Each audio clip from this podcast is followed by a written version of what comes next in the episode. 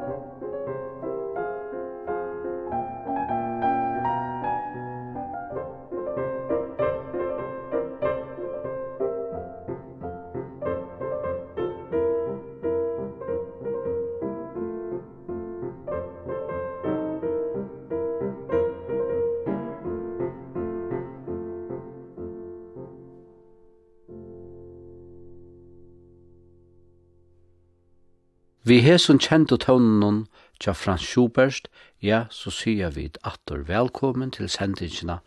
Her vi spela gauan klassiskan tøvnløyk her i utvarpnen. Velkommen til Bolero. I sendingsina hesefer har vi valgt å spela tøvnløyk tja Frans Schubert. Schubert var føtter tatt vi Wien i Esterrydje i 1696 og døye her best 31 år gammal i 1828. Og i synum sera stutta løyve megnaði han korsene a skriva nekvan og gauan tøvnløyk. Han skriver mellan annan nutje symfonier, nekvan tøvnløyk fyrir solo klaver, nekvan kamertøvnløyk, opereier, og ikkje minst megnaði han a skriva ikkje færre enn 600 sanger og i synum stutta løyve. I sendingen i Hesefer færa vid omframt at høyra nekka av klavertøvnløyke, mest at høyra kamertøvnløyk fra hans hånd. Vi løtte fire vi stutt om og hetta vær ta tria ur samlingene 6 mamma Musiko Deutsch 640. Hetta kan tuja snakka som seks musikalskar løtur etla egna brøgt. Sama vi impromptuunum tja Schubert, så er hetta ivalest han klavertånøyren, og er mest spaltur tja honom. Hetta er seks smarri klaverstitje, og i òsni er vel egna at vera spalt kvars fyrir seg. Vi tfæra nu at høyra ta nasta i røyene, det er nummer 4 i sismål, og det er franske klaverløykaren Alexander Tarot i spiller fyrir.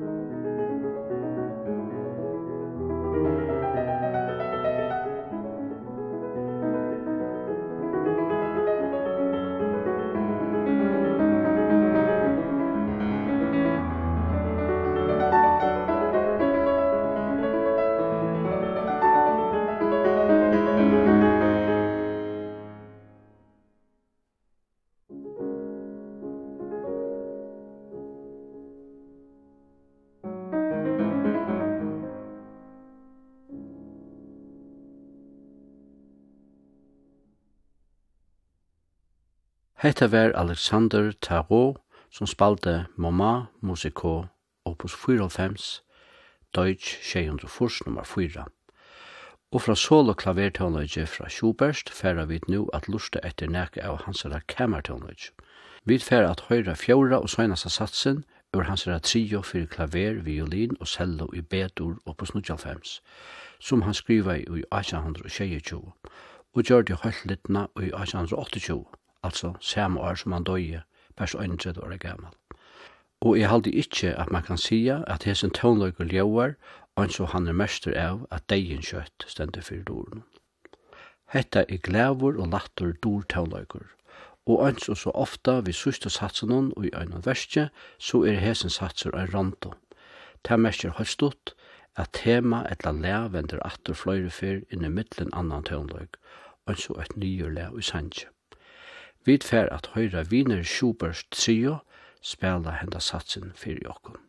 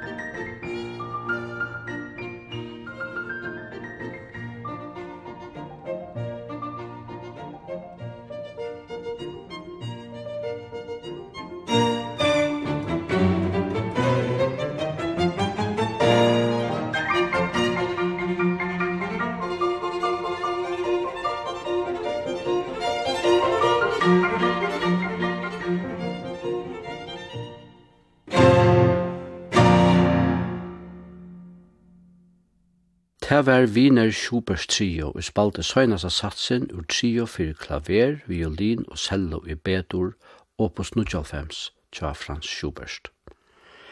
Næste tånløyker vi fyrir at høyra er en satsur ur oktettene i eftur, Deutsch 803, og Schubert skriva i i marsmanava og i 1824. Verste var bylagt av einan Ferdinand Trøyer, vi var landsmæver Schuberts og spalte klarinett. Om hetta sama munte skriva i Schubert òsne tver ekvelia kjenta studiekvarstetter, Rosa Munte, og så Deien og Gentan, som i ångti hava spalt i sendingen min. Oktetten er i seks satsen. Her er vi for at lusta etter det fjorda, som er en variasjonssatser. Temmerskjer holdt stått at fyrst kjemur et tema, ofta einfalt og sangbarst, og så gjerne koma nekrar variasjoner iver hetta tema og i hesen føren er det tjei tale. Ljøførene er klarinett, fagott, valthånd, tverrvioliner, braitj, cello og kontrabassur. Vi høyre her vi enda og tett spela henda fjóra satsen fyrir okkund.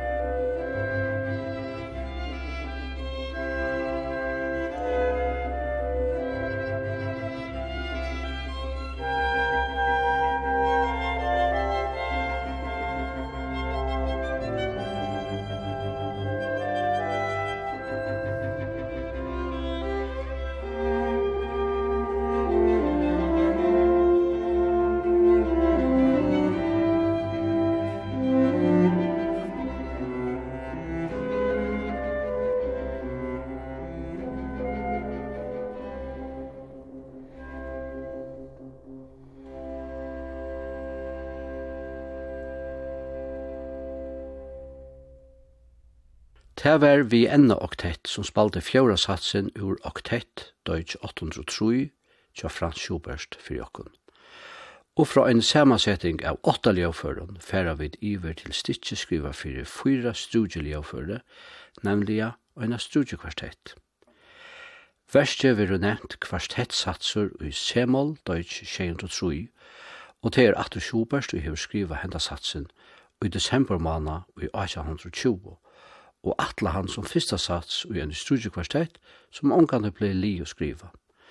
I manuskripten hon finnast øysene ter fjøre de fyrste taktenar av ørensatse, men av øyne etter ærar i årsøk var samleia versi omgande fullførst. Hesen satser verit til javna spaldur øynseres. Her verit det tyska Melus kvartetten ur Stuttgart og vi fyrir a spela fyrir jokken.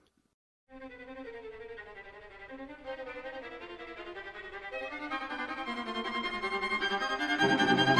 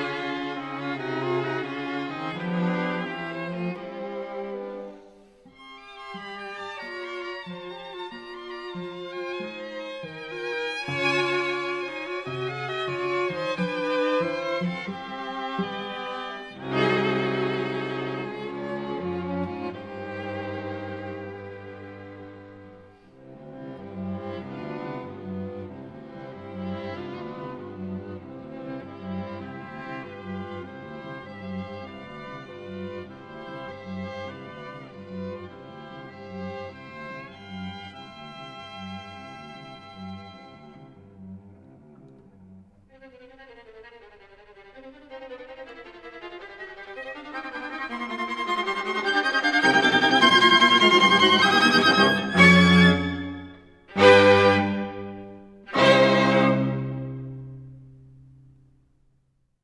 var Melos kvartetten og spalte kvartettsats i Semol, Deutsch 603, tja Frans Schubert. Og ønsker jeg har sagt over i sendingen i dag, ja, så spela vi tonløyk og i han altså Schubert, hever skriva i allars hendikene. Og vi færa vujar vi tøvnun, og jeg næstan tåri at lova at de fleste kjenna. Leie øyder Ave Maria, og er opprunalig en sankur og Schubert skriva i 1825, som ein av tjei sankun til ischting tja skotska ischgeranon Walter Scott. The Lady of the Lake. Her vil det korsne spalt av cello vi klaverfylgjespillet. Ta er kjente cellisteren Jojo Ma, som sama vi Katrin Stott vi klavere og i fyrre spela.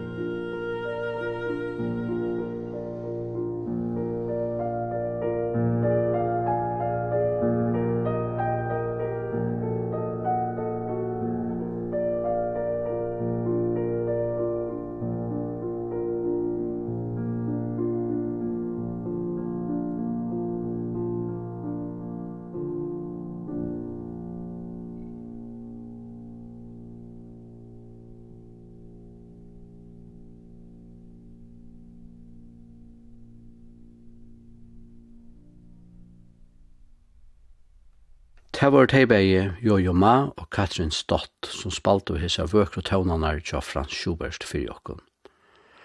I 1816, til høy i åren han fyllte 20 år, skriva i Schubert trutjar synar fyrst og violinsonater, òsne kjendar som sonatiner, og i var årsaka av at her ikkje er så staurar i veve og kanskje heldur ikkje så øliga teknisk trublar. Vi fer at høyra at forsatser ur det søgnaste av Hesun Trimon sonaten. Schubert derfeste sjolvor av originalbleie, sonata fyrir violin og klaver og gemal. Sonatan hever fyra satser, og vid høyre her Isaac Stern og Daniel Barenboim spela fyrsta og sista satsen fyrir jokken. Musik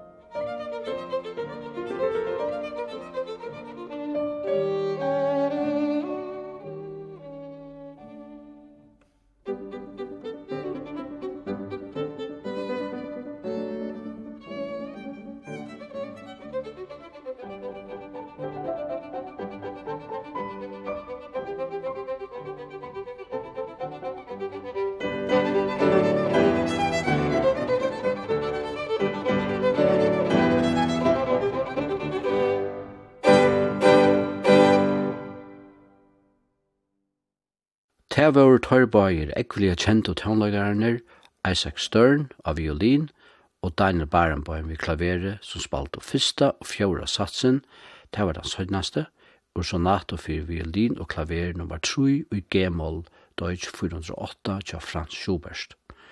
Og her vi er vi kommet fram i møte søgnaste tøvnen og sendingen hese for, og vi enda nekka som vi byrja av, vi klavertøvnløyde og øysni ur som samling som ta, nemlig Mama Musico opus 94 Deutsch 640.